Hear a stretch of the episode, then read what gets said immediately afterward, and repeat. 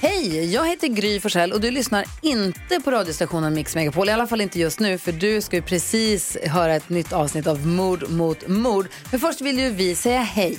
Hej, hej, det här är NyhetsJonas. Det här är Carolina Widerström. Och här gullige dansken. Ja, och så Gry då. då. Det vi vill säga är att när du har lyssnat klart på den här podden, då får du gärna lyssna på våran. Vi spelar in ett nytt avsnitt varje morgon av våra podd Kvartssamtal.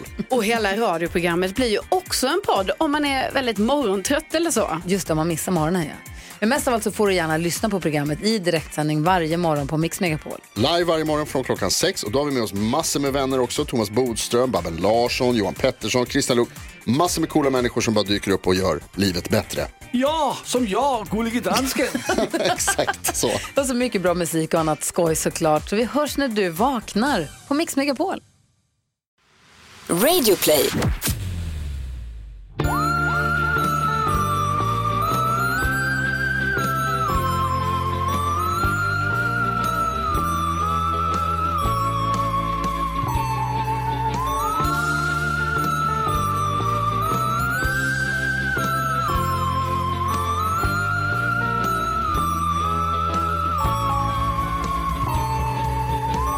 Hej och välkomna till podcasten Mord mot mord som görs av Karin André och Anna Sandell. Hej och välkomna till poddradioprogrammet eh, Mord mot mord. Mord mot mord. Gud, nu, det ser verkligen bara ut som att du vill visa upp din klocka. Att du typ så bara, aj vänta jag måste bara, Jag ska bara kolla- men- kolla vad klockan är. Anna har fått en ny klocka. Det är, inte, det är inte fel i sak Att visa upp sin klocka? att, visa Ehm. upp, att jag vill visa upp min klocka. Nej, nej, gud nej. Det enda som är fel med det är väl att vi precis har pratat om den. Men det, det har blivit Men det som vet ett ju inte så- lyssnarna. Nej, precis. Du vill ju visa upp den för lyssnarna. Exakt, kolla här. Sira, aj, ah wow. Jag intervjuade klockan.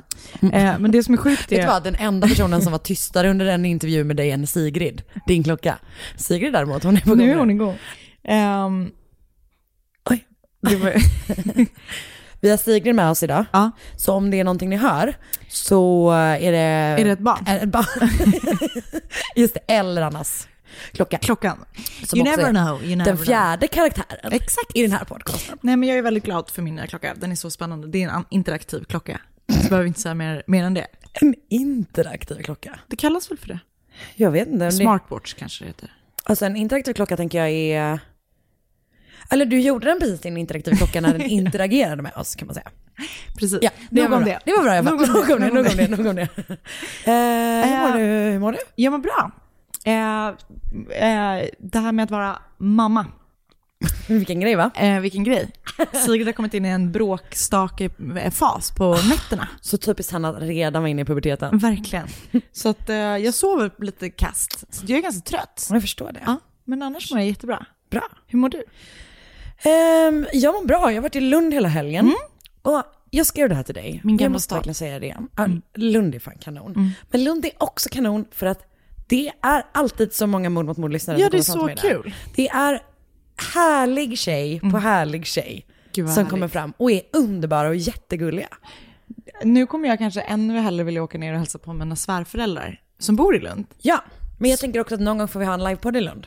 Ja, Och 100%. samla alla de här härliga På tjejerna. mejeriet, eller vad var ni i På helgen? mejerierna, på Grand var vi i helgen. Ja, även poddandet. Japp. Ah, De har ju massa salar där. Eh, nej men det var jätteroligt, det var Lund Comedy Festival eh, som är eh, alltid mysigt typ. Vad härligt. Så det var skoj. Men du, stä- du sa mejeriet på Sö- har du aldrig varit där? Jo. Ja, nej, en det lät gång. som att du trodde att jag hittade på att det fanns ett ställe som hette det. Ah, nej nej, jag bara tänkte är det stort nog? Eller har de en ishall? Alltså de har ju, de har ju hela parken bredvid. Just så vi kan fylla hela den. Det blir som du vet när GS, nej när Guldhjältarna eh, 94 kom hem och Så kommer det firades i Rålis. Så kommer det vara. Så exakt så. Var det i Rålis? Det var i Rålis ja. Jag har alltid tänkt att det var i Kungsträdgården. Ja okej, jag har alltid tänkt att det var i Tanto. Men jag vet att det är Rålis. Varför skulle det vara i Tanto? Tänker det är större. Så konstigt läge. Jag tänker att... Det Det blir är, bara, all... det är bara för att du aldrig är på Söder. Jo, det är jag visst det. Vad är det där för attack? Jag har varit på Söder... Eh, förra, förra, veckan var jag, förra veckan var jag på Söder i, eh, fyra gånger. fyra dagar. Av sju. Nej men anledningen till att det är ett konstigt läge är för att alla sådana här firanden brukar alltid vara i Kungsan för att det är så otroligt centralt. Just det. Jag tycker Rålis, som jag ändå bor väldigt nära, också ett väldigt konstigt läge att ha firandet på. Men den är väldigt lång, det här kan vi inte prata mer om. Men den är väldigt långsmal. Så jag tänker skulle passa att man liksom trycker ihop dem. Trycker ihop. Ja, Ah. Okej, nog om det eh, också. nog om eh, VM 94-firandet i Rålis. Eh, jag skulle säga någonting till dig. Hade det någonting med The Betty, Betty Broderick story att göra? Ja, alltså förra Hade det? veckan så pratade vi ju om den och då Ja. hade jag sett typ två avsnitt. Det är nu, alltså andra säsongen av Dirty John som handlar om Precis. Betty Broderick. nu har jag sett nästan alla avsnitt. Alltså den är så, den är Fruktansvärt så frustrerande. fruktansvärt frustrerande. Ja. Man är så sjukt kluven. Japp. För Och den är att- så bra tycker jag. Ja, och man känner så enormt mycket med Betty Broderick, men samtidigt blir man galen på henne för att hon gör så jävla, jävla dumma och Hon gör så dumma beslut. hon tar så dumma beslut och gör så dumma grejer och samtidigt så känner man så mycket med henne och det är en sån himla jobbig, Känsla ja, det är så, det är Ja. så ambivalent. men den är väldigt bra. Visst är den det? Otroligt bra. Eh, jag tyckte ju som sagt väldigt mycket om säsong ett också. Jag vet, vi håller koll på att kolla på den nu. Ah, men vad jag hade tycker inte du då? sett den innan. Nej, Men den är ju också kanon alltså. Visst är den det? Det det är är ju extremt lättsmält för i, inom ämnet liksom. Ovanligt Exakt. lättsmält. Det har ju inget mörker Nej. på ett sätt. Det är klart att det har det. Det handlar ju om människor som mår jättedåligt. Mm. Men inte det här, miljöerna är inte mörka. Nej. som de alltid är annars. Mm. För nu är det lite så glättigt California life hela tiden typ. Nej, jag tycker det är stört intressant. Ja. ja men verkligen. Jag är också väldigt glad i allmänhet för att jag upplever att jag har fått tillbaka min önskan att kolla på true crime. Ja, vad härligt. För att jag har ju sen i våras, jag tror på riktigt att det var när vi spelade in så fruktansvärt många Ah, poddavsnitt. jävlar. Eh, på Det var så det enda vi himla, gjorde. himla kort tid. Ja det var det enda vi gjorde. Det enda jag gjorde. Förutom att problemet var att det var inte det enda vi gjorde, vi jobbade också heltid typ. Nej, inte jag. Jag var höggravid och låg och- på soffan. mest. Men kom inte och säg att det inte var ett heltidsjobb. det var ett heltidsjobb. Ja, för du gjorde det på Sigrid, heltid. Det var det. Eh, nej men alltså att jag var så här, det var liksom, jag, jag var helt ehm, slut i huvudet. Jag kunde liksom inte. Det enda jag kunde kolla på var below deck. Ja. men nu, nu är jag tillbaka. Fan vad härligt. Så nu har vi kollat på Betty Broderick, vi har kollat på, eh, vi håller på att kolla på första säsongen då. Eh, Vi har ju kollat på Unsolved Mysteries Mm. och vi har också, eller mitt nästa. Vad är vi har det? också kollat på eh, Golden State Killer-dokumentären. Men mitt nästa är The Vow. Ja, det hörde jag My Favorite Murder pratade Eh, om. Exakt, det är alltså dokumentären om eh, Nexium. Ja. Vi har ju pratat om en podd tidigare som heter Escaping Escape, Nexium. ja. Och nu har då HBO släppt en, eller börjat släppa eftersom de fortfarande inte släpper allting samtidigt. Nej. Men Rasande. jag gillar det. Jag gillar det. Jag saknar linjär tv. Därför tittar jag alltid på linjär tv på dagarna när jag är ensam hemma. Du kan göra det på kvällen med. Men det är så dålig, okej. det är så dålig tablå. Jag förstår inte vad som händer. Ja. Nej. Ni vet, för hur, alltså, vet du vad, nu ska jag säga vad det stora misstaget är, enligt mig. Mm. Det är alltid en film. Det är alltid en film eller alltid repriser. Ja. Så alltså, det är helt sjukt. Du vet på en fredagkväll eller en söndagkväll eller en lördagkväll, då man än tänker stora tv-tittarkvällar, kvällar, Ja. så är det repriser från 2018 av typ så här halv åtta hos mig, vilket jag ändå gillar, men har- då har jag sett dem för de gick 2018. Kul att du minns dem. Men just det, det här var ju den med hummersoppan som men gick åt helvete. Det har gått långt när Oscar igår sa så här, det det var Svenska Hollywoodfruar, och ska bara, jag har redan sett det här för jag vet att Anna Anka ko- dyker upp snart. och då är det så här, då har Oscar sett det till och med. Som inte ens tittar på Nej, Svenska det är inte Hollywoodfruar. okej. Det är inte okej. Ja, det var, det var. Jag Men du tycker om- gillar i alla fall att det släpps Jag eh, gillar det här ett med i att veckan. vänta. Ja, jag förstår. för, för jag gillar inte att bingea. Jag, Mm. Nej just det, det gör du inte. Eh, jag gillar att göra det. Ehm, men, men den ska ju vara, eller My Favorite Murder, eh, Claire- älskar det. Mm. de älskar den och tycker det var super. Och att det verkar som att det är en person som har gjort den som har varit med i sekten typ. Det är ju det här, den blev ju superkänd för att hon, en av Smallville karak- eh, Mm. skådespelarna, var ju med. Och försöker typ r- värva andra kändisar Ja. Mm. på Twitter. så jävla stört. Ja. Eh, så den är jag Mm. riktigt peppad på. Vi kan ju tipsa om den podden igen också. Om för de som inte har lyssnat på den. För den var också stört bra. Jättebra och var ju också med en kvinna som hade varit ganska högt uppsatt i sekten tror jag. Riktigt stört. Ja, det, den ska jag faktiskt titta på också. Eller hur? Mm. Det ser jag känns som väldigt att mycket vi har, fram en, Mm. ehm, Vi har en plan. vi, har, vi har en plan, men det finns också liksom mycket bra true crime-innehåll just nu. Det gör det. Och vet du vad jag längtar efter? Jag längtar till på fredag. Om, för om två dagar så ska vi hem. Jag, Oscar och Sigrid ska hem på middag till dig och Markus. Nej men alltså, Jag längtar så mycket. vet du vad jag verkligen, verkligen hoppas? Nej. Att Marcus inte fejkar en hjärnskakning den här gången. Ah, jävlar. Det slutade, det slutade Det slutade som det slutade säger jag bara sist. Men nu har vi ett barn med så nu måste vi vara lite mer responsible. Ja men exakt. Eh, ja, men så vi kan lägga Marcus och Sigrid och så. Exakt. Sigrid ska köra oss hem sen. Kul. Jag tror att hon hade kört bra. She's in the driver's seat. Verkligen. Nej men det ska jag bli vet, så det ska bli kul. så jävla jävla mysigt. Och Kul. vad mycket vi kommer ha Och prata om. att prata om. Och vad lite vi kommer att prata om sen i podden för att vi har pratat om allting Typ så. på fredag, på Exakt. våran middag. Det, det ska bli så kul att umgås utanför podden. Utanför podden, för det Vet var du vad? länge sedan vi hängdes utanför. Ah, jag vet du vad? Älskar att umgås med dig. Jag med. Detsamma. Ska vi... Vi kör. Ja. Hej. Hej. Ett poddtips från Podplay. I podden Något Kaiko garanterar östgötarna Brutti och jag, Davva, dig en stor dos skratt. Där följer jag pladask för köttätandet igen. Man är lite som en jävla vampyr. Man har fått lite blodsmak och då måste man ha mer. Udda spaningar, fängslande anekdoter och en och annan arg rant. Jag måste ha mitt kaffe på morgonen för annars är jag ingen trevlig människa. Då är du ingen trevlig människa, punkt. Något Kaiko, hör du på Podplay. Därför är gardinerna.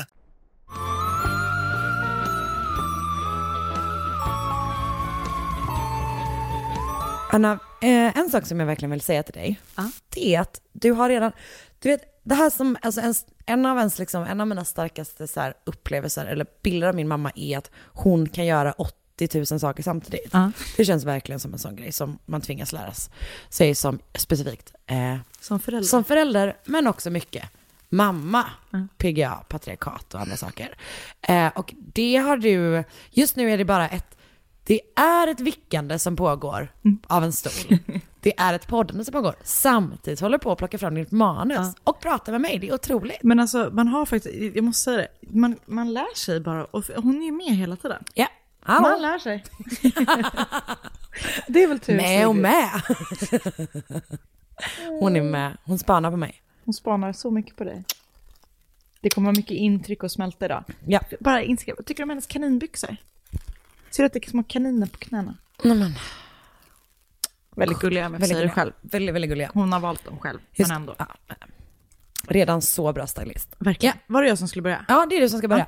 Okej, då börjar jag. Eh, tidigt på morgonen den 5 augusti 2009 åkte Dalia Dipolito till gymmet eh, för att träna.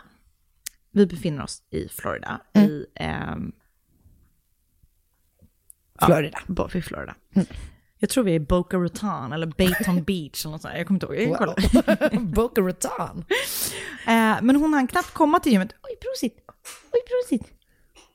Eh, hon hann knappt komma till gymmet innan det, eh, hon får ett sms på sin telefon. I smset så är det, står det så här, "Ka- eh, hej ma'am, please contact me, sergeant, bla bla bla. Det är så sms från en polis som ber henne ringa henne, ringa honom. Och eh, hon ringer upp och han säger så här, vi skulle behöva att du kommer hem omgående till ditt hus. Så hon eh, sätter sig i bilen eh, och kör hem. Och när hon liksom kör in på sin gata så möts hon av typ den värsta scenen man kan tänka sig. För att hennes hus är helt avspärrat så här med polisband.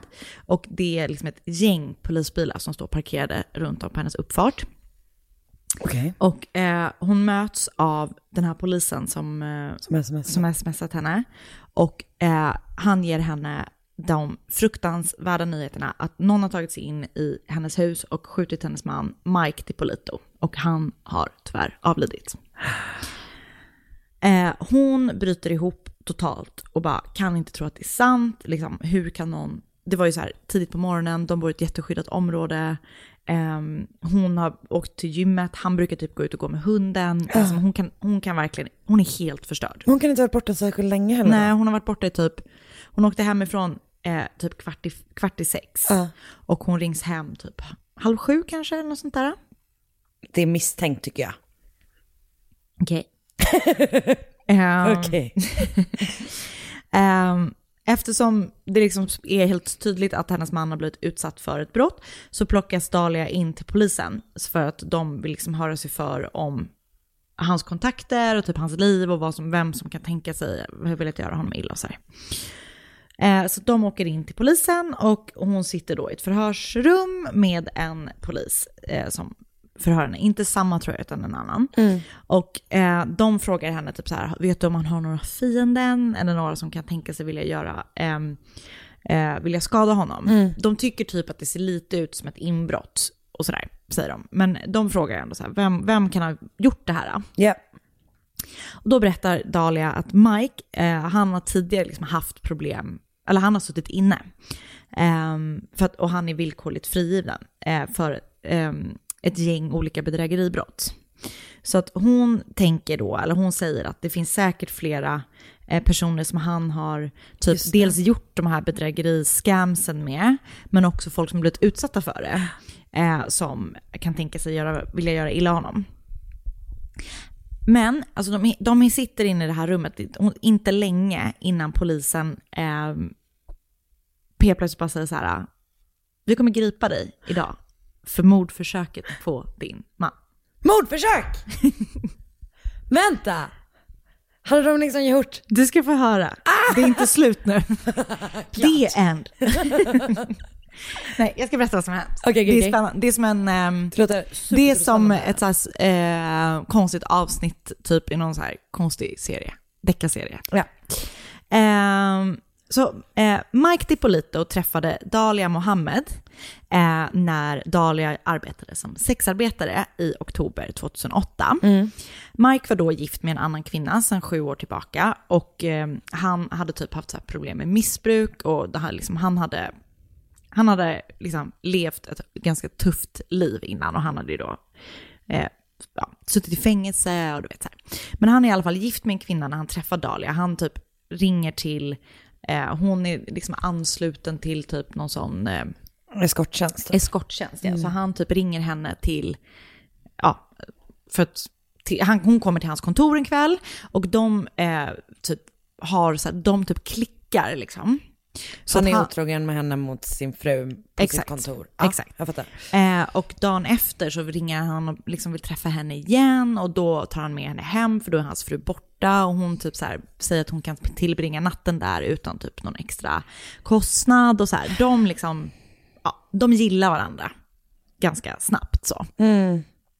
Och, så de blir kära och efter bara två veckor efter att de har träffats så eh, ansöker Mike om skilsmässa. Åh jävlar. Och Gud han... stackars den frun. Nej, jag bara, vad fan händer nu? Alltså det är så jäkla stört, för allting händer så stört fort. För typ, typ två veckor igen efter att han ansökt om skilsmässa så friar han till Dahlia med en riktigt fet förlovningsring. Eh, som, som jag hörde, eh, Säg. den var värd 26 000 dollar. Åh Det är så jävlar. stört mycket pengar Japp. för en ring. Men alltså man skulle ju inte tacka nej om man fick en. Jag hade typ gjort det, jag hade varit så stressad. Men det är helt stört, man kan typ Marcus, så var har här, du fått de här pengarna ifrån?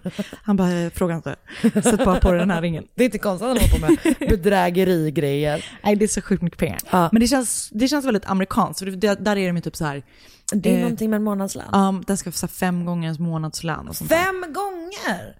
Det är ju asfånigt. Det är för många gånger. Ja, jag tycker tio. Nej, nej, nej, nej, Sigrid. Vi behöver de pengarna till att äta mat. Ja. Hör du det Oskar? Verkligen. Något. Eller? Jag vet inte! De gifter sig i alla fall fyra månader efter att de har träffats i februari 2009. Jävlar. Så det är liksom- Snabbt jobbat. Eh, och han har ju då som sagt eh, eh, haft problem med polisen och ägnat sig åt en hel del skumma affärer. Han hade då, det här bedrägeriscammen som han gjorde var att han hade så här telemarketingföretag där de ringde folk och typ så här sa till, var så här, vi hjälper dig att investera i utländska valutor och typ i så här mm, guld och du vet sånt. Eh, så att folk förde över pengar till ett konto och de blev ju såklart liksom, De försvann. de försvann. Ja. Så att när de åkte fast så erkände sig Mike skyldig till det. Liksom han erkände sitt, sig- sitt brott och han dömdes då till två års fängelse och han satt sju månader Mm. inne. Så att när han träffade Dahlia så var han då ute på så här villkorlig frigivning och det är viktigt att han sköter sig. Ja. Och, ja, som det är alltid. eh, alltid I livet. i livet. Ja, men Men det är viktigt extra att man mycket sköter när sig. man är på villkorlig frigivning. Ja. Men eh, så att, ja, precis. När de träffas så är, alltså de är ju jätte, jättekära. Och Dahlia är väldigt så här, visa det för alla. hon håller på väldigt mycket med eh, public affection och du vet, eh, så här, tar hand om honom och fixar och donar och så här. Men det verkar också som om da, alltså Mike är superkär i Dahlia också. Han typ Men de är själv- väl nykära? Ja, ja. Alltså de har ju varit tillsammans en kvart. Exakt. Mm. Eh, och han typ ger henne massa grejer och du vet, så hon får pengar och saker och ehm, han köper ett hus, så ett jättefint hus och typ en jättefin bil.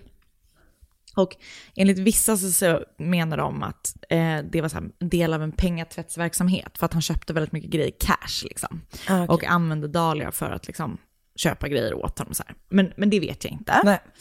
Ehm, men så börjar det liksom hända så här konstiga saker runt Mike och Dahlia. Och i mars, alltså ja, typ en månad efter att de har gift sig, så knackar det på Dahlia och Mikes dörr en morgon. Eh, utanför så står två poliser och Mikes typ så här, jag vet inte vad det heter på svenska, men som parole officer. Just det. Men har, har, vi, vi, har vi det systemet? Nej, men jag Inte tänker på att det det är en sån, sättet, någon sån va? övervaknings... Ja. Eller... Jag, jag, jag tror, nej. Nej. jag tror inte vi har det. Nej men det är när man blir vil- villkorligt Men man har frigiven i, i USA så får man en Exakt. person som har ansvar för en typ. Och Man har väl någon kontakt, jag, jag har ingen aning. Nej. Men de- han har, den, hans, den här kontaktpersonen hos polisen står där, de här två poliserna. De har fått tips om att Mike säljer droger från huset och eh, de har med sig ett tillstånd att få genomsöka det. Eh, och om de hittar någonting så riskerar Mike att få tio år i fängelse. Oj jävlar. Ehm, så att de går in och rotar igenom huset men hittar ingenting. Och bara, så de bara, okej, vi liksom, vi vet inte, okej, Nej. vi litar, eller så här, vi hittar ingenting. Nej vad ska vi Hej då. göra? Ja. Ja. Ehm, helgen efter att det här har hänt så åker eh, Mike och Dahlia till Palm Beach på en romantisk weekend. När de sedan har skick- checkat ut från hotellet eh, och ska gå till sin bil så möter de polisen på parkeringen. För när, eh, då säger polisen att de har fått in eh, ett anonymt tips om att eh, de, det säljs droger ur en bil av den här modellen som Mike har på just den här parkeringen. Så de liksom står och väntar vid den här bilen då, som de har fått in tips om, som säljer droger, som då råkar vara Mikes. Ja. Så att de ska då gå igenom den. De har en sån här liksom warrant för det att gå igenom den också. De letar igenom bilen, hittar ingenting. Men vad är det som händer? Det är så jäkla konstigt. Två veckor efter detta igen då, så um, har Dahlia och Mike varit på middag. Och även den här gången så möter de polisen vid sin bil och då, då har de också fått ett tips. Och då bara så här, vi behöver gå igenom din bil, vi har att det finns, ehm, Är det hans fru som ringer? Hans exfru? vet inte. Eh, och den här gången så hittar de Okej. De har med sig en narkotikahund och de hittar typ, alltså ett litet så här, typ som ett ciggpaket med någon slags drog i. Jag vet inte. Det är inte liksom, ja. Eh, så, Var så- det typ gräs eller nej, liksom något? nej, något, något annat tror tyngre? jag. jag tror, att- precis, jag tror att de liksom har använt, gömt det typ i ett ciggpaket, men att det är någon annan typ av tyngre drog. Ehm, och när de hittar den så blir han helt så här, vad fan det här är inte mitt. Jag har blivit ditsatt. Det är någon som har lagt det i min bil. Det här är verkligen inte mitt. Och alltså han verkligen blir så här jätte, jättechockad och typ får panik. Eh, och polisen är bara så här, vi litar på dig. Vi, vi, förstår, vi tror att du har blivit ditsatt. Det här är nog inte ditt. Så han liksom släpps för det. Okej. Ehm, det är skitkonstigt. Ja, men det är så konstigt, det är jättespännande. Ja. Men när det här har hänt då, så, så de får åka hem, för de bara så här, okej vi tror på dig, vi tror att du har blivit ditsatt. Så får, och de kanske får åka förbi, inte polisstationen eller någonting. Men när Mike och Dahlia är på väg hem så är Mike bara så här, vad fan är det som händer? Jag säljer inte droger. Vem är det som håller på att ringa in alla de här anonyma tipsen? Nu har jag en annan idé. Ja. Jag kommer bara säga det. Ja. Mm. Jag har lite olika idéer här då. Det ena är ju exfrun. Det andra är att det är Dahlia som ringer in det Mhm. för att eh, skicka in honom i fängelse så hon kan clean his accounts and get out of there. Okej. Ja. Ja. Ehm, så han är så här konfunderad och bara, vem fan är det som håller på på det här sättet? Men så inser han att den enda som visste att han och Dahlia skulle gå på middag på den här restaurangen just den här kvällen var ju Dahlia. Japp. Så han bara frågar henne så här upfront och bara, är det du som har, är det du som håller på att anmäla mig till polisen? så stel fråga. Och hon blir tokig. Ja. Hon blev så upprörd. Typ Japp. Så här, hur kan du ens fråga mig en sån sak? Varför skulle jag göra det? Bla, bla, bla, bla. Och han bara så här, ja men förlåt, alltså det är Ja. helt sjukt att jag ens tror det här om min fru. För vi har ju varit tillsammans i 20 minuter nu och du Exakt. skulle aldrig Jag- göra så mot mig. Jag, jag, jag känner dig. I know, I know you would. I know you. Men så de åker hem, de blir vänner igen och eh, han ber om ursäkt och du vet har typ lite dåligt samvete så här. Ehm, och dagen efter det här så eh, berättar Dahlia för Mike att hon väntar hans barn. Japp. Ehm, och Dahlia har, trots att hon lever ihop med Mike, eller alltså de är ju gifta, så har hon också haft ihop det med några andra killar. Mm. Eh, tidigare pojkvänner eller tidigare liksom kunder eller vad det nu är, vet jag inte exakt. Och det, är lite, o- det sägs lite olika. Ja. Ehm, bland annat så har hon då eh, haft ihop det vid sidan om eh, Mikes, Mike DiPolito, så har hon haft ihop det med en man som också heter Mike, men som heter Mike Stanley. Fråga, för hon har när de har gift sig slutat jobba som sexarbetare. Jag tror Typ, det. Ja. Eh, och den här Mike Stanley då, som hon har fortsatt, de har varit ihop flera gånger. Eller han har varit, de har i alla fall liksom haft re- någon typ av relation med varandra, f- fram och tillbaka. Och Dahlia har flera gånger så här utnyttjat honom, alltså pengamässigt. Och sen han har inte varit jättekär i henne. Och sen har hon utnyttjat honom och så har hon dumpat honom. Och sen har hon typ så här tagit tillbaka honom, manipulerat honom och så här wheeled him in. Och sen liksom gjort samma sak om och om igen. Så att, eh, men hon har då träffat Mike Stanley vid sidan om eh, Mike DiPolito. Så att eh, hon får Mike Stanley att gå med på att hjälpa henne att blåsa Mike DiPolito på... Hon vill liksom, ja hon vill blåsa honom. Så hon, och hon, alltså hon är verkligen så här riktigt manipulativ, du vet så här, ah, typ, ja hon skriver så Hur låter hon? Mm. hon, Eh, hon skriver så här riktigt störiga saker till honom och verkligen så här.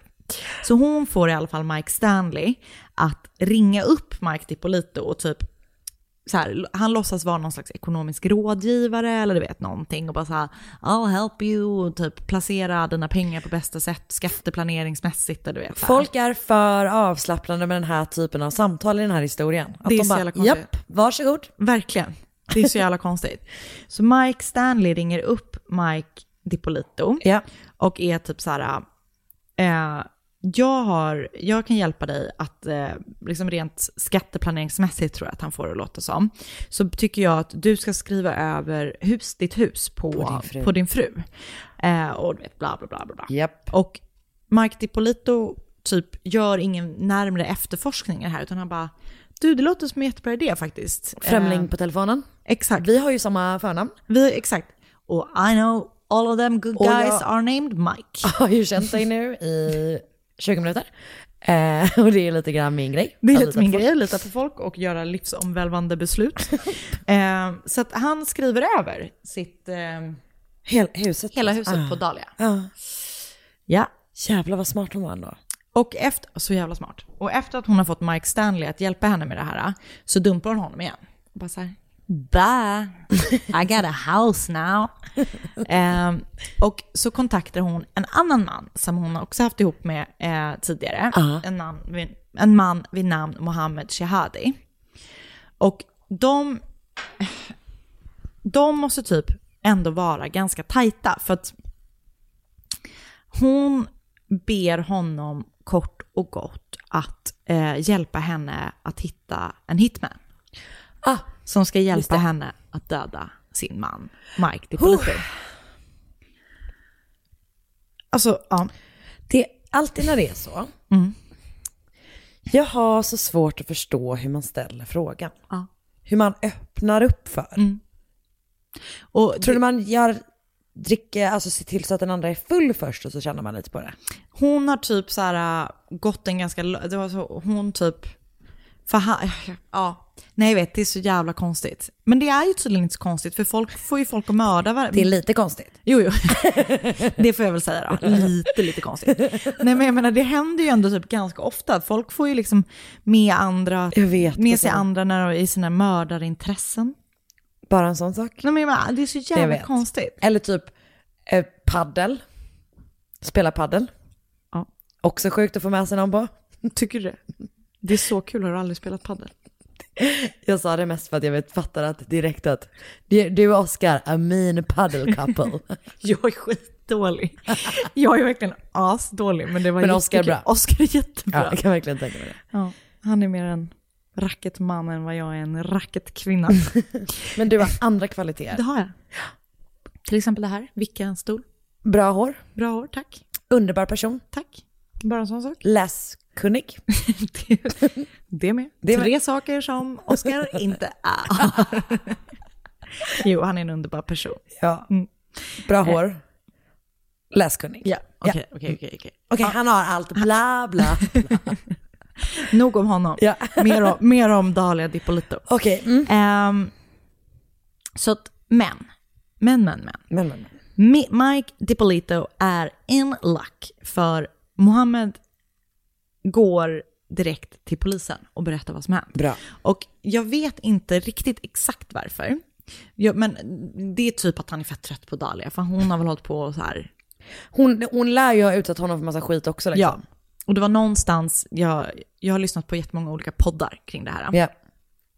Och det, var, det var ju någon podd som det var så här, så här, att hon försökte stjäla typ en pistol av honom och det var då han tröttnade och så här. Men jag Ja. vet inte. Eh, hon, Hon han- höll på. Hon höll nog på som Ja. fan. Liksom. Eh, så att efter, så Mike, eller Mohammed går till polisen och eh, så ber de honom att stämma träff med Dahlia igen. För de behöver få det här liksom, bevis för att det här är sant. Japp. Så de installerar en liten gömd kamera i hans bil. Ja. Och han stämmer träff med Dahlia och eh, det fångas då på film när Dahlia ger Mohammed 3000 dollar som en delbetalning till hans hitman. Hon ger också eh, Mo- Mohammed en bild på Mike DiPolito och en bild av deras hus. Och så liksom sitter de så här och planerar i bilen typ. Eh, och de har typ egentligen nog med bevis för att typ så här, sätta dit henne för det här. För att det är väl någon så här, jag vet inte vad det kan vara för Men jag brott. tänker att om man har lämnat över pengarna så be- menar man ändå, då är det, då då, är det menar man allvar. anstiftan. Liksom. Mm. Ja. Anstiftan, gud jag letar efter det ordet. Här har du det. Ah, Där har du det. Här har du det, här har du det. Ehm, men polisen är ändå så här, nu ska vi verkligen sätta dit henne. Så att de eh, utser en undercover, undercover cop att spela hitman. hitman. Så Mohammed bara så här, ah, nu ska du få träffa min hitman, typ. han kommer ringa dig och stämma träff, typ så här, bla bla bla. bla. Så att hitmannen, som En polis. en polis, ringer Dahlia och bara “jag kommer komma upp från Miami, typ, vet jag träffar dig här och där, bla bla bla, bla”. Och så, så bestämmer de träff på en parkering på, alltså utanför ett apotek. Och så sitter de, hon kliver in i bilen och ha, där har de ju riggat med kamera och Japp. allting. Eh, och de sitter i hans bil och så går de igenom liksom, allting. Och han typ ställer massa frågor och hon är typ lite så här, allting finns på film. Så allting finns på YouTube. Eh, och hon är typ lite så här, hon vill inte säga för mycket. Så när han typ frågar så här, f- typ ska jag dö, du vet, så säger helt... Ja, för att då är han hon- vill typ att hon ska säga, och sen så ska du gå in och skjuta honom. Ja, och då är det typ att hon bara, det är bättre om jag typ inte vet för mycket, och du vet, så här bla bla bla bla bla. Men så säger han typ att, eh, och en sak som är så sjukt större är typ att han, hon säger typ så här, hon bara, jag förstår att du bara tror att jag är en så här snygg tjej, men jag är typ tuffare än vad jag ser ut. Och då är det typ att han bara, you are very beautiful though. Och hon bara, oh, thank you. Alltså hon är, men det, det verkligen känns tydligt att hon är så här eh, en tjej som killar tycker är skitsnygg, som är van att få vad fan precis Hon är, som helst. hon är narcissist Ja. och är van att få get it her way. Ja. Men så säger han typ så här att jag måste verkligen veta att, du, att det här är det du vill. För att när vi skiljs åt från den här bilen så finns det ingen återvändo. Du kan inte ändra dig. För att när, du har liksom, när vi har bestämt det här, då kommer jag åka och döda honom på onsdag morgon. Och då säger hon att hon är 5000% sure att hon vill göra det här. Wow. Så de bestämmer då att Dahlia ska gå och träna tidigt på morgonen den 5 augusti så att hon inte är hemma när det väl är dags. Och han säger då att han ska ta sig in och låtsas som att det är ett inbrott och att Mike då har blivit skjuten eh, på grund av att han är hemma, typ så. Eh, och så han ska ta med sig lite grejer och dra, typ. Så Dahlia kom, ja. eh, så, så, okej. så på morgonen den 5 augusti så åker hon till gymmet klockan 5.43 på morgonen. Och med sig har hon också typ så här alla sina dyra smycken, du vet typ en dyr handväska och det är väl för att hon inte vill att det ska råka snos för hon litar typ inte riktigt. Hon är så här, ringer till Mohammed och är typ lite orolig att han ska, att hitmannen ska råna henne och du vet så här, man bara, och det var också i någon podd jag lyssnade på som bara så här, det finns inga hitmans. För att antingen är de undercover cops eller så kommer de blåsa dig på dina pengar. Det är ingen som kommer mörda en annan person för typ, alltså, eller ja, det kanske finns några men några, några stycken. det är men nog inte inte många. så vanligt. Nej, framförallt inte sådana. Jag tänker att möjligtvis om de är sådana, du vet, maffiahitmän. Exa- det, är tror en jag, annan fin- grej. det finns ju. Det är ju uppenbart att det finns. De har ju till och med blivit intervjuade i det där programmet som jag såg här sist på Netflix. Lyssna på de andra avsnitten för att höra vilket. jag kommer inte ihåg vad det heter. Bra. Ehm, Okej, så att hon åker 5.43 till gymmet. Japp, ta med sig sina smycken och grejer. Ja. Efter det ringer polisen på dörren hemma hos Mike och Dahlia och bara så här, hej. Eh, En liten grej. en liten grej. Alltså förstår du chocken och bara, hej Karin, eh, du är inte i trubbel, men Marcus har beställt en hitman för att mörda dig, så att vi behöver att du hänger med oss. Hur länge har de varit gifta här? Sex månader typ. Det är ju typ som ni. Ja. Ja. Åh nej, Akta dig. jag orkar. Ja, det är det som är problemet. Ehm, ja, så att de bara eh, tar med honom till polisstationen. Och sen ringer då polisen till, eller de smsar Dahlia och så här ber henne komma tillbaka till deras hus. Och på plats har de ju då en fejkad brottsplats. Ah! och på plats är också ett kamerateam. För det sjuka är att eh, dels är det typ så här, något nyhetsbolag tror jag. Men Eh, de polisen har alltså, det, det, är- det är tv-programmet Cops som är där och filmar allt. nej. För att eftersom hon redan har, liksom, hon har redan begått ett brott, så får de filma det här. Oh, Eftersom jävlar hon Mm. liksom redan har betalt för mordet. Larva sjukt. Så att allt, allt, allt finns på film. Det är mig i kops. Ja. Alltså det är så jävla sjukt. Så att eh, Dahlia kom... konstigaste Ja, men det är så jävla sjukt.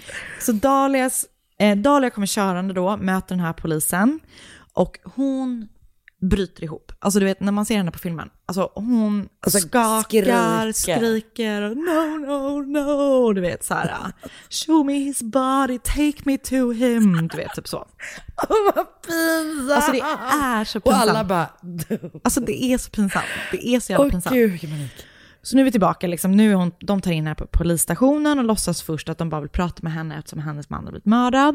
Men efter ett tag så tar också polisen in den här hitmannen och bara får se hennes reaktion innan de säger så här, ja vi kommer att gripa dig. Så är det typ att de bara, vet du vem det här är? Och hon bara så här, nej. Hon bara blånekar att hon någonsin har sett honom. Han låtsas också som att han inte vet, du vet, han, han är fortfarande i sin roll som hitman typ. Och polisen bara, men vi har sett honom springa från ditt, ert hus efter att Mike blivit skjuten. Bla, bla, bla, bla. Så, och de bara så här, och hon bara ljuger och ljuger och ljuger. Allting filmas i förhörsrummet också. Ehm, och efter att de då har konfronterat henne med den här hitmannen och allting, så säger de så här, du kommer gripas idag för mordförsöket på din man. Och hon bara så här, I, haven't, I didn't do anything, I didn't do anything. Du vet, bla bla bla. bla så här. Alltså ja, det är så pinsamt, det är så sjukt pinsamt. Och polisen bara, Jag känner mig så stressad. ja, men det, är så, det är så pinsamt verkligen. Och polisen bara så här, sluta säga att du inte gjort någonting, vi har allt, allt, allt på film. Vi ser ha på film när du sitter och liksom beställer mordet på din man. Och hon bara fortsätter att bara blåneka allting, vilket är så jävla dumt. Ehm, hon får också, de typ, jag säger också bara så här, din man lever, han är inte död. Och då är det typ hon bara, oh my god. Typ så här blir jättetacksam och de bara, visst. Typ så här, jo tjena. Inte tack vare dig. Så hon bara fortsätter att blåneka allt så här, liksom. Och hon får träffa Mike, eller de tar in honom och då, jo, de tar in honom i Mike i förhör, förhörsrummet. Och bara, hon bara, come here, come here. Och jag, så, ja hon är så jävla störig. Och hon, Hur reagerar han? han bara typ tycker hon är helt jävla fuckad och bara vad håller du på med? Typ, vad har du gjort för någonting? Hon bara jag har inte gjort någonting, du får inte tro på dem, bla bla bla. Ja, sen så åker hon i alla fall in i häktet och när man väl sitter i häktet får man ju då ringa ett samtal. Man kanske får ringa fler. Jag vet inte. du ringt? Vem gör det inte? Oscar, han är ju både advokat och min mm, livspartner. Just det. Vem hade du ringt? Det är en Oscar. Han hade kunnat säga till dig men... Men också, Men också och hjälpa jag hade mig. sagt till Marcus Exakt. och så hade han hjälpt dig under tiden. 100%. Det är så smart. Det är så smart. Ehm, Kan jag få Oscars nummer innan vi går? ja, för du kan inte skriva på Facebook. Du måste, nej, du kommer inte, nej, du kommer inte ringa någon för att du hatar att prata i telefon. Nej, jag kommer sitta där alldeles ensam och gråta. Ehm, Jag bara, eh, det är inte så att man kan få ett sms. Tyvärr. Ehm, Okej, ja. ja, Hon ringer sitt, första, sitt enda samtal. hon ringer Mike DiPolito, alltså då hen- Va? Sin mannen man? som hon precis har försökt mörda. Och hon försöker att manipulera Manipulera honom honom. och bara så här, allt det här är en helt jävla sjuk lögn, bla bla bla. Och det, det sjukaste är att han typ inte blir helt jävla galen på henne, utan han typ så här försöker resonera med henne och bara så här, men jag får inte prata med dig, du vet, jag, jag kan inte hjälpa dig på något vis. Du vet, Och det här bla, bla, bla. spelas ju också in förstås. Så allting finns, allting finns. Så han säger typ så här, ja, om du skriver tillbaka huset till mig, alltså som, att, ja, Just det. så, um, så ska jag se till att hjälpa din mamma i alla fall. För mamman, du vet så här, men han, han typ är riktigt arg på henne efter ett tag. Men du vet så här, jag hjälper din mamma om du ser till att skriva hus- över huset. Och hon- Och hon tar på sig, du vet, riktig offerkofta och bara I'm rotting here in jail and all you can think about is a house. Och han, du vet, man bara, du försökte mörda mig. Alltså vad fan, jag blir så jävla irriterad på den här Hon, personen. hon är så jävla störig. Gud. Ehm, men han i alla fall, liksom, he, han går inte på det. Nej, skönt. Ja. Hon sitter häktad i 20 månader. Sjukt lång tid. Innan hon har sin första rättegång i april 2011. Vilket är också är sjukt med tanke på att det finns så himla mycket material. Mm, jag, fa- jag, vet, jag vet, det är väldigt konstigt. Ja. Eh, hennes försvar försöker hävda att Mike älskar realityserier. Och att allt det här eh, är fixat för att han ska få vara med i Cops. alltså, förstår du Det är det sjukaste. vilken bisarr... Men vänta, han var ju inte ens med i Kops. Nej! Han var ju inte där när de kom. Och typ de är, och för hans, och hans, eller åklagaren är typ bara så här, men varför säger hon hela tiden, bara, varför försöker inte hon få honom att för, för, förklara det? Liksom? Hon säger bara att hon inte har gjort någonting. Och de bara, hon var i chock när, du vet, bla bla bla. bla. Det är alltså deras det, det försvar. är dummaste jag Ah. någonsin hört. Det är så jävla sjukt. Hoppas verkligen inte Oscar kör den på mig. Jo, alltså, men Oskar kommer lösa det. Ja, bra. bra. Han- Ah. det- Karin vill så gärna vara med i nästa säsong av Spår. Typ att du vill det. Nej. Nej. Möjligtvis som utredare. Ah. Åh, Nej. du ska bara ha sådana detektivglasögon, eller sånt. Jag kommer ha förstoringsglas, ja. Det heter det. Mm, Det är s- synd att jag kör så himla dåligt i poddform. Att jag måste gå runt och klinka det lite grann mot olika saker. Okej, så det är hennes försvar. Det är hennes försvar. Det är det sjukaste. Ja. Och eh, efter en månad så döms Dahlia för anstiftan Ja. till mord på hennes man. Och hon får, döms till 20 år i fängelse. Men på något konstigt sätt, det är något fel i hur domen fastställdes. Så att hon överklagar och under tiden som hon väntar på nästa rättegång så sitter hon i husarrest istället för i häktet. Va, I huset som hon har... Nej, jag tror det är hemma hos sin mamma. Ah, Okej. Ehm, och 2014 var det då dags för en ny rättegång igen. Och den här gången så hävdade hennes försvar att hon har blivit hotad av Mohammed, alltså den mannen som hjälpte henne. Oj, att, eh, okej. Och att, eh, och jag vet inte exakt vad han ska ha för anledning till Nej. att vilja, han kanske vill ha Dahlia för sig själv eller någonting. Så att hon säger att, eh, hon och hennes förs- försvar säger då att hon har bara gjort allt det här för att hon har blivit hotad av Mohammed att göra det liksom. Okej. Ja. Också jättedåligt försvar. ja, verkligen. Den här gången så eh, kom juryn inte överens, så att det blir så här en tredje, rätt, det ska bli Ah. en tredje rättegång. Och under den tiden så satt hon också i husarrest hos sin mamma och under den här husarresten så blev hon gravid. Ja, Hon, ja, det, det barnet hon väntade då med Mike förut var ju bara en lögn. Ah, ja, ja, ja. Eh, men nu blir hon gravid och föder ett barn i husarrest. Och vem är pappan? Det vet man Någon inte. random dude. Okej. Någon annan som hon lurar säkert. Ja. Ehm, och du vet, de försöker väl använda det typ att this poor, Ja. nyblivna mamman. Ah. Hon måste vara ute för att Ja. vara med sitt barn, bla bla bla. Mm. Den gubben går inte. Nej. Så Dahlia döms till 16 års eh, fängelse utan chans till frigivning och då ska hon sitta inne till 2032. Ehm, men hennes advokater, de håller fortfarande på att försöka få resning och sånt där. I, alltså jag läste senast någon artikel från maj 2020 typ. Men hon sitter. Vad var det där? Alltså det är så sjukt. Det är så sjukt. Men också, vet du vad? Mm. Om det nu är så att man typ är ihop med någon Mm. som är såhär, jag älskar reality-tv och jag vill så himla gärna vara med i en reality-serie. Antagligen inte kops va? Alltså- till, till, så, till så himla dumt. Ah. Eller Det är så dumt. Det är det, det, är det sämsta lögnen jag någonsin har hört. det är otroligt! Mm. Och jag har sett en dokumentär som heter The Curious Case of Dalia DiPolito. Där det finns Där man massa- får se massa film och höra samtal och så här. Jag läste en artikel på ABC News som heter How Dalia DiPolito is managing prison life and her legal team's hope for a new trial. Ja. Eh, jag har lyssnat på podden Court Junkie, deras avsnitt om Dalia och Mike, och så har jag läst ehm, en podd som är, eller nej, gud, hundra år gammal.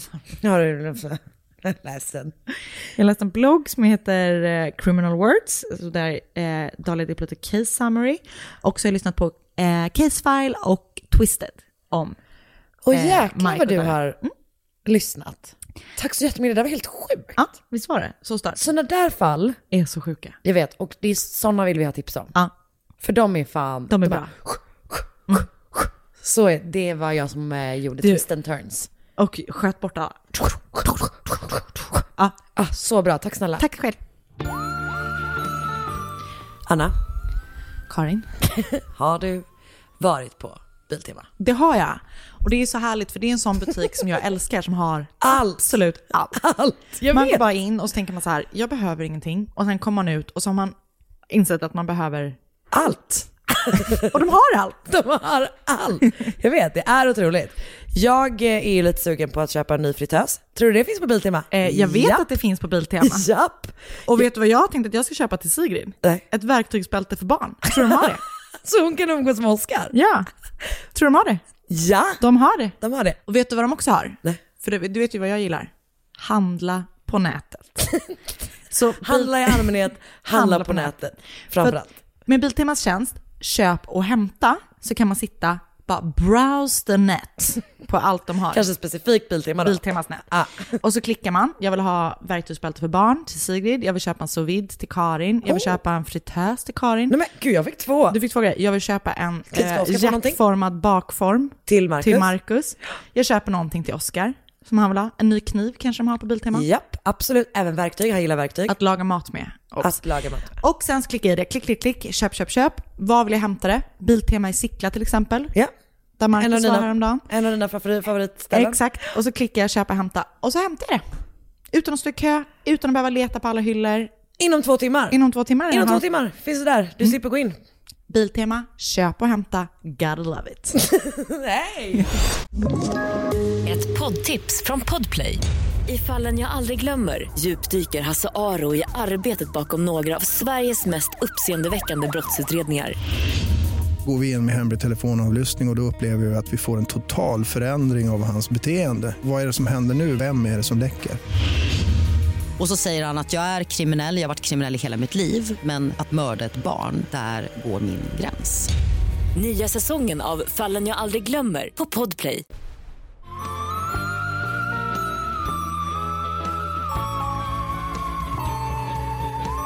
Okej, Ready? nu fick jag en sån scare att jag redan har gjort det här fallet. Men tror jag inte det. frågade också dig Jag känner inte Men jag vet igen inte varför jag, jag borde bara googlat. Det är inte som att någon av oss någonsin minns någonting. Men jag tror inte jag tror inte det heller. Förlåt, Jesper. Det hade varit eh, tråkigt. Men i sådana fall eh, så, Så får ni höra det igen. får ni göra det igen. Förhoppningsvis bättre den här gången. Okej. Klockan är fem på morgonen. Det är den 8 september 1829. Och jag säger det just som klockan slog 18 och 29. Fan vad starkt. That's a sign för något. That's a sign att du har redan gjort det här fallet.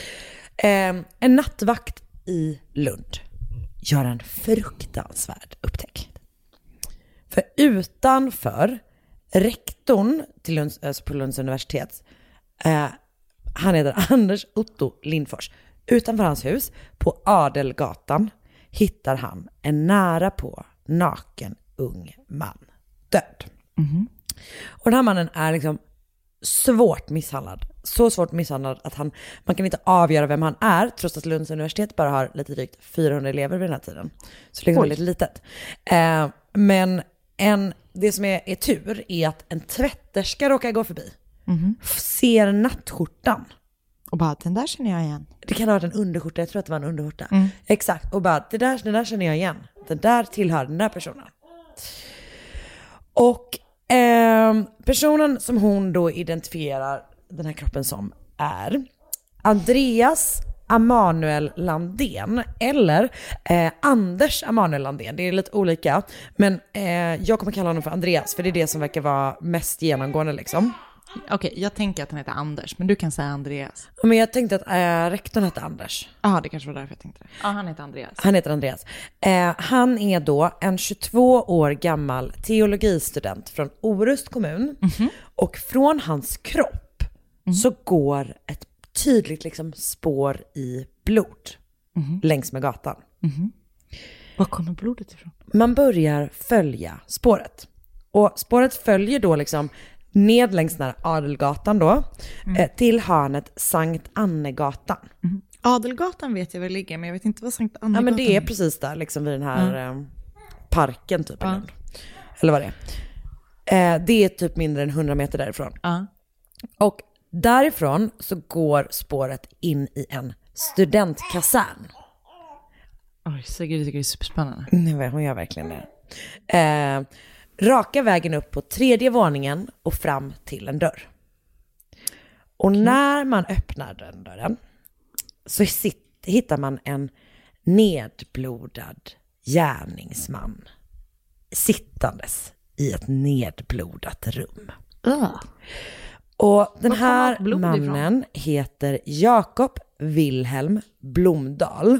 Bloddal. Bloddal. Och han kommer bli den sista som avrättas i Lund. Gud vad många sista avrättningar känns som att du har gjort. Men vet du vad? Nej. Han döms till döden av rektorn på Lunds universitet. Va? Gud vilken, vilken eh, mångfacetterad man. Visst är det galet? Vad sjukt. Okej. Så att det är alltså rektorn på den skolan som dömer, och typ all, några andra professorer och sånt, som dömer honom till, eh, ja, kommer döma honom till avrättning med halshuggning. Okej, vi börjar från början.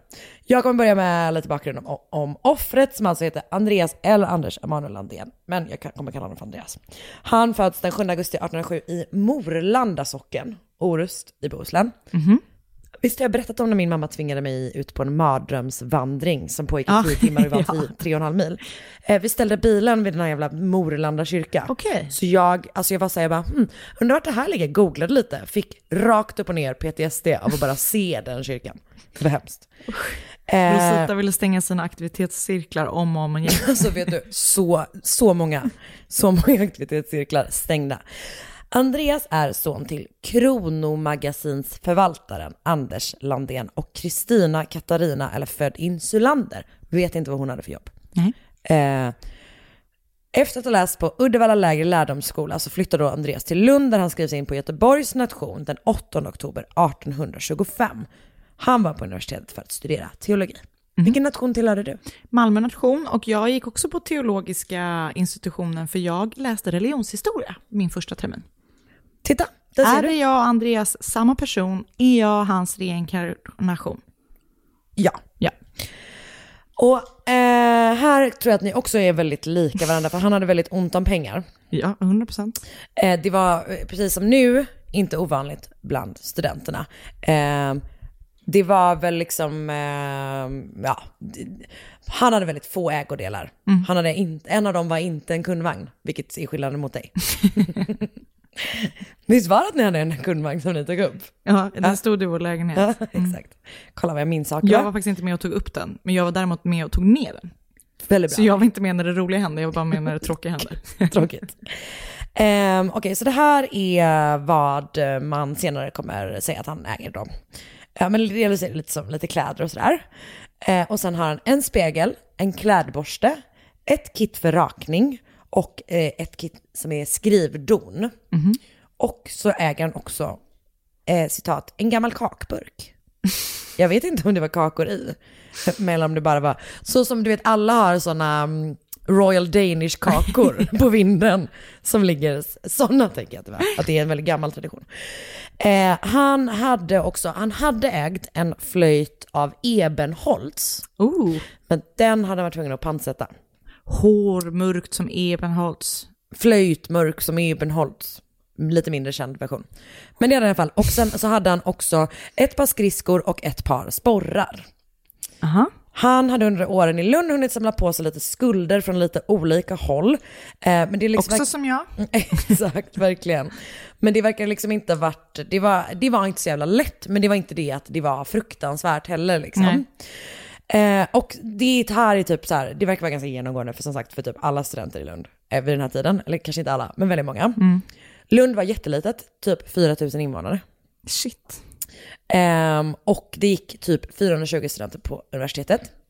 Men redan då var det liksom redan 160 år gammalt. Vad sjukt. Jag vet. Men vadå, det gick typ tio studenter på Det var en kille som började läsa en bok. Han bara, I hereby öppnar Lunds universitet. Exakt, så gick det faktiskt till. Ehm, studenterna var som sagt ofta ganska fattiga och de höll sig liksom i, en, s- så här, det var som en stad i staden typ. De interagerade, de var inte så mycket med övriga invånare då. Ehm, det var typ ganska tur för att studenterna kunde, precis som det så ofta är fallet även nu, inte, inte bete sig. Eh, de hittade väldigt ofta på skit. Alltså de slogs liksom mycket med varandra, men de slogs också med övriga liksom unga invånare i stan och sådär. Mhm. De bröt sig in hos folk, de stal, de söp. Eh, det var upp till- The use, exakt. Och det var liksom upp till enskild, alltså, eh, anställda på varje enskild nation att se till att ele- studenterna på den nationen betedde sig. Så då hade de liksom en, en ansvarig. Det verkar vara hur de liksom kontrollerade det. Och det verkar ha varit lite svårt. Mm. Här kommer några andra lite mer specifika saker som det beskrivs som att de gjorde. Mhm. Vrålade i dörrar. Stänkte svavelsyra på kärringar. Men Men nu till min personliga favorit. Skrek i kapp med barnaföderskor. Jajamän. Tänk dig när du låg inne och så bara kommer det någon från så Stockholms universitet, KTH, öppnar dörren. Ah. Nej, men så, med en sån keps eller sån mössa som de har. Och vrålklädd. De bara, vi har nollning nu. Gud. Exakt, vidrigt. Trauma. Verkligen. Men det gjorde de då. Eh, De, de gjorde, borde som sagt, antingen de här studentkasernerna som väl är som dagens korridorer, eller så hyrde de typ rum av privatpersoner. Och de klarade sig på mat från stans matmammor. Och jag vet inte riktigt hur det funkade, men tydligen var maten väldigt, väldigt äcklig. Och funkade bäst på att liksom, an, som, att kasta på folk man inte tyckte om. Det var kaos. En annan som eh, verkar haft det ganska jobbigt och som hade det stökigt och fattig och inte mådde särskilt bra var då Jakob Wilhelm Blomdahl som skrevs in på Göteborgs nation precis efter Andreas. Okej. Vad pluggade han då? Också teologi. Mm. Han var också från Västsverige. Eh, Men han kom från Starkär. Mhm. Starkär kanske. I Ale kommun. Okej. Eh, där hans pappa Johan Ulrik Blomdahl var prost. Så jag antar att det var det han skulle bli också då. Mm. Eh, jag vet inte vad hans mamma hette tyvärr. Det går så himla bra Mm. att beskriva mödrabilderna här. Men, eh, hon födde honom i alla fall den 12 januari 1804. Så han var då några år äldre än Andreas. Och han pluggade först i Göteborg på gymnasium innan han då flyttade till Lund. Och först skrevs han in på Norrlands nation, men den 31 oktober 1925 så skrivs han då istället in på Göteborgs nation. Han hade ett studieuppehåll 1826-1827 för att han var sjuk. Alltså han led av någon slags psykisk sjukdom. Som han Okej. på den, den tiden kallade för nervfeber. Vilket typ känns som någonting man kan relatera till. Alltså, det var en jättebra diagnos tycker jag. Men jag kan ju ofta, in, in- inte ofta men ibland, verkligen, verkligen relatera till den gamla diagnosen nervsvag. 100%. För, det, det, för mig är det samma sak som när jag känner mig skör. Ja, ja. Idag sa jag, när Sanna, min kollega och, och gode vän, eh, skämtade med mig så jag var så här, nej, du får inte det, jag är skör idag. Eller nervsvag. Jag, jag förstår precis Karin. Bra. Jag Ah, vet att du gör det. hudlös. Eh, hur som helst, han är, har då nervfeber så att han försvinner liksom ett tag. Men kommer tillbaka till Lund våren 1828 och flyttar då till den här studentkasernen i hörnet Adelgatan, Sankt Annagatan, sommaren efter. Eh, jag vet inte hur liksom, bra de goda vänner de var, men de pluggade teologi, tillhörde Göteborgs nation och bodde liksom nära varandra. Mm. Ehm, och hur som helst då så var Andreas hemma hos Jakob den 7 september 1929. Vilket alltså är på dagen när vi spelar in 191 år sedan. Åh jäklar, vänta sorry. Åh jäklar! 121 år sedan. 191 år sedan. 91 år sedan. På dagen idag. Shit. Ehm, och vad som hände där är ju svårt att veta eftersom Jakob är den enda då som överlever och Mm. därmed kan berätta om det. Men det här är hur han beskriver vad som händer. Andreas är skyldig honom pengar. Två riksdaler. Vet, ja, jag har inte kollat upp hur mycket det var. Skojar, vet Ah, jag skojar, inte. jag skojar, jag skojar. Men riksdaler känns Jag- bara som jag att tror att det var mycket pengar. hittepå. Jag tror att det var ganska mycket Jag tror pengar. att det var mitt mellan. Men det var säkert jättemycket pengar för att all, ingen hade några. Det kanske var så här 2000 spänn. Ja, säkert. Och de börjar liksom bråka om de här pengarna. Bråket urartar. Och till slut så plockar de upp varsin järnstång från något slags galler som finns i hans rum. Och så börjar de fäktas. Är de packade? Det känns 100% som en fyllegrej. Eh, jag vet inte, men det, jag tror också att de hade närmare till fäktning på den tiden. Till exempel då så har ju ehm, Jakob, han är liksom en överlägsen fäktare. Såklart. Han är ganska bra på att fäkta. S- Och eh, han har liksom tränat fäktning. Det verkar också som att man kunde göra det på universitetet typ. Så att det var liksom Mhm. mer en grej då. Fäktning, äh, en spaning, fäktning mer en grej förr i tiden. Absolut. Ehm, så att det som händer är att de fäktas med de här liksom järngrejerna och till slut så får han in en liksom stöt, eller om det är ett slag, på Andreas. Så att Andreas faller ihop, medvetslös. Men trots det, trots att han ligger medvetslös på marken, så slutar då inte Jakob att utsätta honom för våld. Utan han hugger, han slår och sparkar honom. Och till slut då så förstår han att han är död och först så lägger han kroppen i garderoben Mm. i sitt rum och så försöker han typ städa upp allt blod liksom. Eh, men det går sådär. Så efter ett tag så lyfter han istället ut Andreas och lägger honom, jag tror att han, det verkar som att han lägger honom i utedasset på gården. Mhm. Och jag hoppas att det inte är Jag tror inte det var i, i Nej, dasset. men de, de, man säger att det är i avträdet eller vad det heter, vilket ju är utlös. Ja. Ja, jag vet inte. Men, men det gör han i alla fall. Och när han har gjort det så går han ut och äter middag. Och, Helt blodig? Eh, nej, han, måste, han har nog tvättat av sig Ja. själv då också. Men det som händer är att han kommer tillbaka och sen så går han tillbaka till utedasset och eh, hämtar fram kroppen. Så det är väl efter det han blir blodig för att han interagerar Ah, med en ja, väldigt ja. blodig kropp. Liksom. Mm. Han tar av eh, Andreas i princip alla sina kläder, för att, alltså alla hans kläder, för att försvåra att man ska identifiera honom. Mm. Och sen eh, bestämmer han sig för att han ska lyfta ut kroppen ur stan. Det är ju bara jättejobbigt. Så han orkar mindre än 100 meter. Mm. Och sen så lämnar han Andreas kropp då utanför rektorns hus på Adelgatan. Var det, var det liksom genomtänkt att det skulle hamna utanför rektorns? Jag eller tror var en inte det. slump? Jag tror Ja. bara att han var typ, jag, Nej, jag gissar, orkar att han inte hade, mer. Mm. jag gissar att han hade druckit typ. Att han hade supit när han varit ute och sen bara varit såhär, nu ska jag börja ner i stan. Och så, Mm. "Ja, jag orkar inte bära så lägger jag det här istället. Mm. Så måste det ha varit. Japp. Så därför går det ju delvis typ att det är så här, att det är som sagt, eh, går väl släpspår Mm. till Just avträdet. det. Men också han har ju själv liksom satt, tagit, ah, tagit i saker och sånt som gör att man bara hittar honom liksom direkt. Och man kan gå och konstatera att Andreas har utsatts för extremt våld. Fan vad läskigt. Alltså bland annat så är vänstra sidan av hans huvud krossat. Mm. Han har flera sticksår på bröstet och du vet, har så sår på armarna och sånt för att han har, alltså du vet, Åh, så vad skydda sitt huvud. hemskt. Jag vet. hatar sådana avvärjningsskador. Så då må- kan han ju inte ha varit medvetslös. Nej, han, det stämmer ju helt enkelt inte överens med hans historia. Om Nej. att han fick in ett slag och han blev Nej. Mm. medvetslös. Han har ju försökt skydda sig liksom. Jakob nekar först, men sen erkänner han och berättar den här historien om den där fäktningen typ. Men det finns en alternativ hypotes.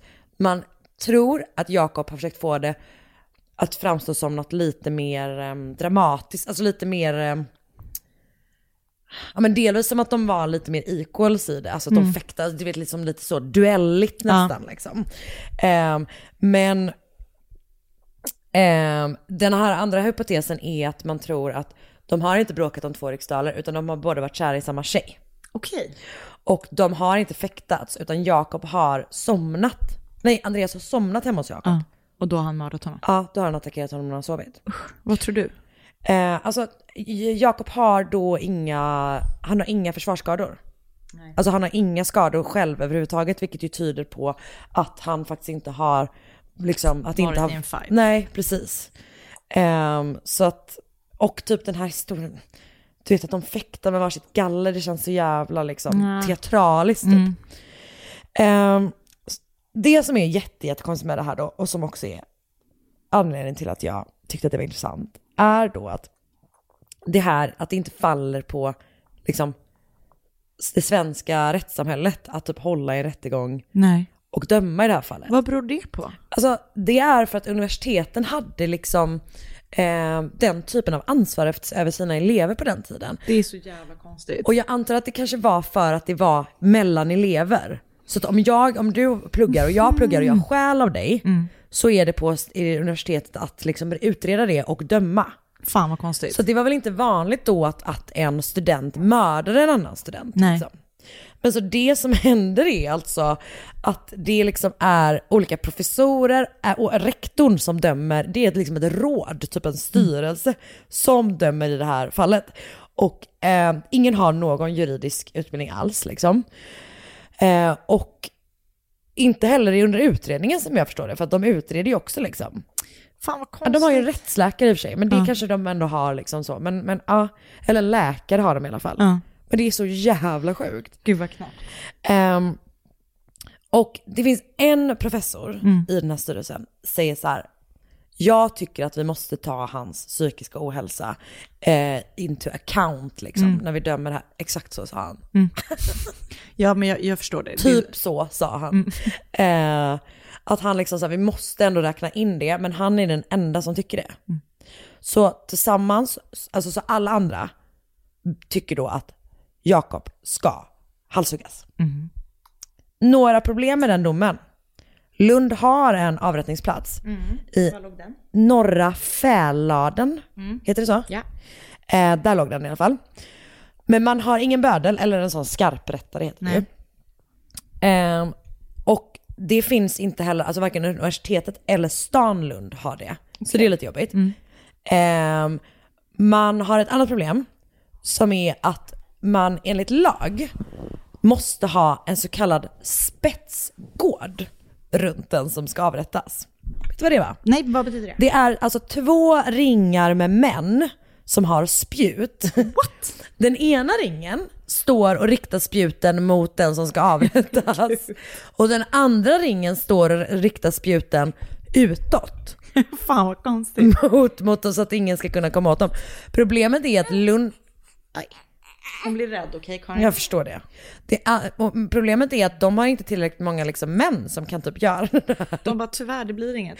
Så att de bara, hur fan ska vi lösa det här? Det man gör då är att, ehm, alltså att, jo först försöker man övertala Malmö att lösa det här. De bara, skulle ni kunna, det kommer bli, typ att de är så här, det kommer bli lite obehagligt för oss om vi måste uträtta det här. Så superbra om ni bara kan ta det. Malmö bara, nej, nej, nej, nej, nej, det här är era skit. Ehm, så att man, eh, man får kalla in länets, läns, alltså länsskarprättaren. Mhm. Så han får komma dit.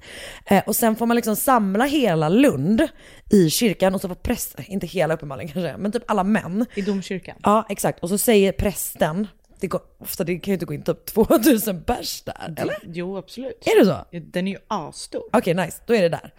Eh, och så får prästen säga till alla att så här, en man från varje husnummer Mm. måste komma och stå i en ring. Okej. Så, då, då så drar de ihop det, löser Fan, det tillsammans. old times alltså, man vill inte vilja leva då. Nej, oh, verkligen. Och så känns det som att det var mycket så, en man i varje husnummer. Mycket så man löser saker i allmänhet. Den 16 april 1830 så avrättas den då 26 år gamla Jakob Wilhelm Blomdahl med halshuggning. Enligt rykten var han vid gott mod på väg till sin avrättning. avrättning. Och egentligen så ingår det i, ehm, alltså i domen att han ska begravas på avrättningsplatsen. Aha. Men man ger honom lite nåd och lägger honom istället, istället på en specifik del av norra kyrkogården. Där olika människor som man då tycker har gjort dåliga saker, exempel självmördare, eh, får ligga. Aha. Det här mordet kallas då eh, mordet i locus peccatorum. Vad betyder det? Undrar vi. Det kallades inte det då, utan det var någonting som eh, studenterna gav, eh, det är ett namn som studenterna gav det här huset. Okej. Och det betyder då eh, syndernas hus. Det ligger fortfarande kvar. Okej, vad spännande. Gick du förbi där i helgen? Ja. Och efter det här så grundar man då Akademiska föreningen i- på Lunds universitet, eh, som fortfarande finns kvar då förstås, Mm. eh, för att man vill erbjuda studenterna ett sammanhang för lite mer intellektuellt umgänge. Perfekt. Mm. Eh, och eh, ja, det här är då mordet på Andreas Amalia Landén, Tack eller den snälla. gången Lunds universitet, Vad kul det var. avrättade en av sina studenter. Vad kul att ha någonting från Lund. Där du har bott. Där jag har bott. Men är det inte helt Fan galet att du, pr- han blev avrättad av sin rektor? Så sjukt. Det är verkligen- Återinför det systemet tycker jag. Nej. Eller? Inte dödsstraff, men systemet. Ah, ja, det Mm. är liksom grundläggande att man ska döma inom. Jag tycker det låter som en utmärkt idé. Jag tycker det är som att man kan döma inom familjer, Inom vänskapsrelationer. inom vänskapsrelationer. Absolut. Okej, jag har då läst Wikipedia, svenskmord.se, E, Lundagårds artikel Dömd till döden av rektorn skriven av Tobias Stefansson. Lite kort på Kulturportal Lund och deras artikel Ruskigt mord ledde, ledde till bildandet av AF av Olof Nordström från Gamla Lundnytt Mhm. samt en artikel av Kjell-Åke Sten från kvällsstunden.se. Mysigt. Den har rubriken Här mördade han kamraten. Vad sorgligt tycker jag på något vis. Jag vet, det är också när det är väldigt unga och det liksom är så här, de är där för att bygga ett liv och så tar två liv slut. Fruktansvärt. Men också old times va?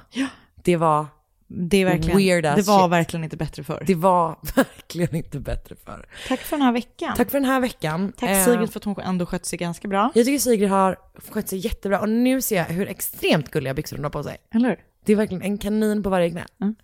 Cute. Görs de i stora, Det gör stora de. storlekar? Jag har ett par till dig. Bra, men då sitter kaninen på, På rumpan. Perfekt. Eh, önska, eh, önska fall, tipsa oss om fall. Mm. Eh, att Sandell Anna, att Karin Landre på Instagram. Gärna sådana här som...